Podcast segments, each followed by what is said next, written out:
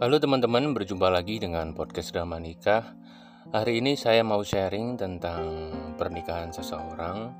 Uh, tetapi sebelumnya saya mau kasih tahu dulu buat teman-teman yang baru dengar podcast ini, jangan lupa ikutin podcastnya di Spotify.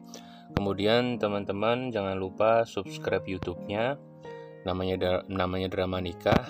Kalian bisa komen uh, di video atau cerita yang diupload bisa sharing juga tentang pernikahan kalian.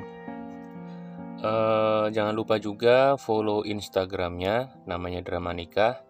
Kalian bisa kirim DM kalau mau kirim cerita. Buat yang belum nikah, bisa juga kirim cerita kalau kalian uh, berencana nikah lah, uh, bisa cerita di situ. Langsung ke cerita hari ini yang judulnya lebih baik tak menikah. Jadi kisah ini diceritakan oleh mahasiswi. Mahasiswi ini bilang kalau cerita dia yang ditulis merupakan kisah dari salah satu orang yang melakukan bimbingan konseling beberapa waktu yang lalu. Dari kisah ini kita jadi cukup tahu membuat kita memiliki pandangan lah, pandangan terbuka terkait hubungan LDR. Apalagi di zaman sekarang ini lumrah uh, eh, LDR itu uh, dilakukan uh, beberapa orang ketika pacaran ya. Ternyata di samping kesetiaan ketika LDR ada hal lain yang perlu diperhatikan. Uh, poin yang terpenting itu yaitu uh, sikap pasangan kita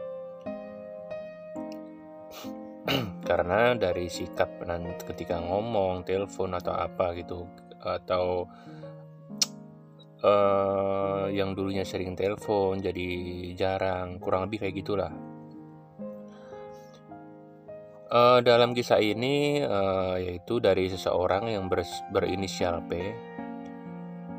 Uh, mungkin inisial ini akan saya ganti aja ya, bukan P, tapi dengan nama biar biar saya juga lebih mudah lah uh, memahaminya ketika bercerita. Uh, jadi dari uh, saya, ganti ya sebut saja namanya Sari.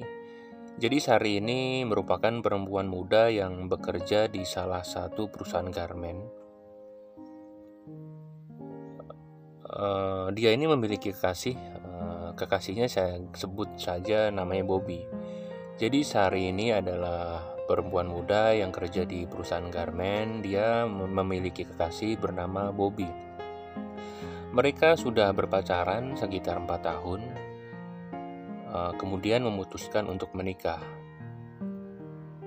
Singkat cerita, setelah lamaran, sang kekasihnya yang bernama Bobby mendapatkan tugas untuk bekerja di luar kota, yang artinya mereka ini akan menjalani hubungan LDR long distance relationship ya. Ketika LDR sebulan dua bulan masih nampaklah keharmonisan di antara mereka. Hingga suatu malam ada satu kejadian lah. Ketika mereka sedang uh, video call, kekasihnya yang bernama Bobby ini tiba-tiba meminta sesuatu yang gak biasa dari sebelumnya Tiba-tiba Bobby meminta Sari ketika video call untuk membuka bajunya. Entah mengapa mungkin Bobby ini pengen atau gimana gitu dia tiba-tiba minta Sari buka baju lah ketika video call. Namun Sari menolak hal tersebut. Sejak ditolak ya video call um, buka baju, Sejak malam itu, uh, mereka sering bertengkar, sering terjadi keributan, dan masalahnya itu sama, yaitu Bobby meminta lagi kegiatan dewasa ketika video call seks, ketika uh, video call yaitu minta uh, video call seks atau buka baju. Sejak saat itu, Sari menjadi merasa tertekan karena keinginan kekasihnya yang bernama Bobby dan uh, sempat uh, karena sering ditolak Bobby ini mengatakan ya atau mengancam Kalau nggak mau menuruti, dia akan membatalkan pernikahannya. Namun Sari e, menyarankan ke tunangannya untuk meminta hal lain. Sari minta kalau bisa jangan video call seks seperti itu, mending yang lain aja. Nah, namun yang jadi masalahnya, Bobby malah menawarkan hal lain. Dia bilang ke Sari, kalau kamu nggak buka baju, nggak mau puasin aku, gimana kalau kamu panggil atau sediain cewek lain yang mau video call seks sama aku? Gimana? Ya, kamu kan calon aku, setidaknya kamu berbaktilah, nurutin apa kemauan calon suami. Setelah itu, eh, karena hal itu, eh, Sari menjadi sangat kecewa. Namun, dia berusaha sabar, uh, mungkin ini merupakan cobaan lah ketika menjelang pernikahan. Sari sempat terpikir ya melihat bagaimana ribetnya orang mempersiapkan pernikahan dan dia juga lihat kebahagiaan kedua belah pihak orang tuanya udah ribet dan orang tuanya udah kelihatan bahagia menjelang pernikahan masa ia mau dibatalkan gak mungkin kan Walaupun sebenarnya Sari ini rela lah memutuskan hubungan tersebut. Namun saat itu Sari memilih untuk diam. Dia lebih memilih uh, memikirkan secara matang-matang mengenai hal tersebut. Mengenai masalah dia dengan tunangannya. Sari juga sadar kalau selama empat tahun itu sebenarnya ketika berpacaran, Sari tidak memberikan apa yang cowok mau seperti berciuman, sering berpelukan, atau e, melakukan hubungan seks dengan pacarnya. Meskipun begitu, Sari tidak menyesali hal tersebut. Seharusnya dia sadar kalau kekasihnya itu sebenarnya nggak baik. Dengan dalil cinta semua dibutakannya. Akhirnya, setelah pikir-pikir, Sari pun mencoba untuk bernegosiasi dengan cowoknya atau tunangannya. Dia akhirnya mengizinkan tunangannya untuk melakukan hal itu, yaitu uh, video call seks. Sari mengizinkan cowoknya untuk video call seks dengan cewek lain. Namun, dia hanya mengizinkan sekali.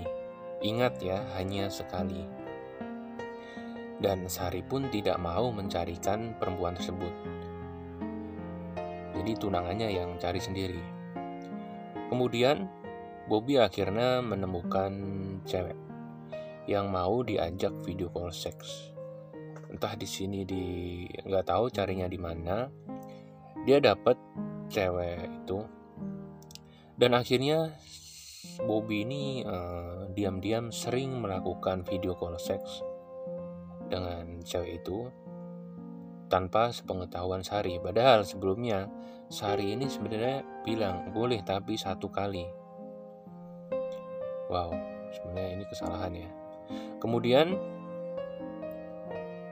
mendekati pernikahan mendekati uh, pernikahannya Bobby akhirnya pulang ke kotanya dia berencana menemui Sari walaupun sebenarnya saat itu Sari dalam keadaan terpuruk ya karena ternyata cewek yang diajak video call seks Bobby uh, sebut saja dia bunga. Jadi bunga ini ternyata protes ke Sari. Karena dia sering melayani video call seks Bobby, tetapi Bobby ini sebenarnya nggak pernah membayar, sehingga bunga menagih tagihannya ke Sari. Wah, bisa gitu ya. Jadi ternyata Bobby ini sering melakukan video call seks karena sering mungkin jadi nunggak banyak ya. Dan dia nggak bayar dan beban bayarnya itu malah ditagih ke Sari. Bisa gitu ya mungkin ya asumsi saya nih. Bobby ini ketika ngajak bunga video call seks mungkin dia dengan alasan dia bilang ke bunga tunanganku nggak bisa melayani aku jadi dia ngizinin aku video call seks dengan perempuan lain yaitu kamu biar dia nanti yang bayar karena dia nggak bisa layani aku. Mungkin kurang lebih kayak gitu ya makanya bunga malah menagih tagihannya ke Sari itu asumsi saya ya. Paling parahnya yaitu Si bunga ini ternyata mengancam kalau Sari tidak mau membayar. Dia akan membocorkan semua perlakuan dan rekaman video tunangannya bersama uh, bernama Bobby ketika melakukan video call seks. Wah. Maka dengan berat hati Sari pun memberikan uang dengan mentransfer ke bunga sebagai bayaran jasa melayani video call seks calon tunangannya. Kemudian uh, suatu hari ketika Bobby ke rumah Sari, uh, di mana saat itu merupakan hari uh, merupakan hari terakhir uh, bertemu sebelum dipingit. Saat itu sebenarnya hati Sari cukup hancur ya. Namun dengan senyum ikhlas dan tulus, Sari tiba-tiba merangkul ayah dan ibunya. Dia meminta maaf telah melakukan banyak salah dan dia bilang ke orang tuanya memohon untuk mundur aja dari pernikahan ini. Sari merasa ketika LDR itu banyak hikmah lah. Dan semua itu sudah cukup bagi Sari untuk uh, mengambil beban berat seperti itu. Setelah itu semua mahar dan segala macam barang akhirnya dikembalikan ke keluarga Bobby. Sari pun meminta maaf ke Bobby bahwa sudah cukup uh, dia sakit karena perbuatannya. Sari merasa apa yang perlu dipertahankan dari sebuah hubungan karena padahal sudah tinggal satu langkah tetapi malah dirusak dengan satu kali tindakan yang itu sangat menyakitinya. Sebenarnya semua orang sakit ya karena hal ini, tetapi biarlah orang beranggapan egois terhadap Sari yang telah memutuskan sepihak. Namun eh, kita ini harus memiliki kebahagiaan atas diri kita sendiri bukan orang lain. Jadi lebih baik tak menikah. Insya Allah Tuhan akan mendatangkan jodoh yang lebih baik di kemudian hari. Semarang 2019. Terima kasih.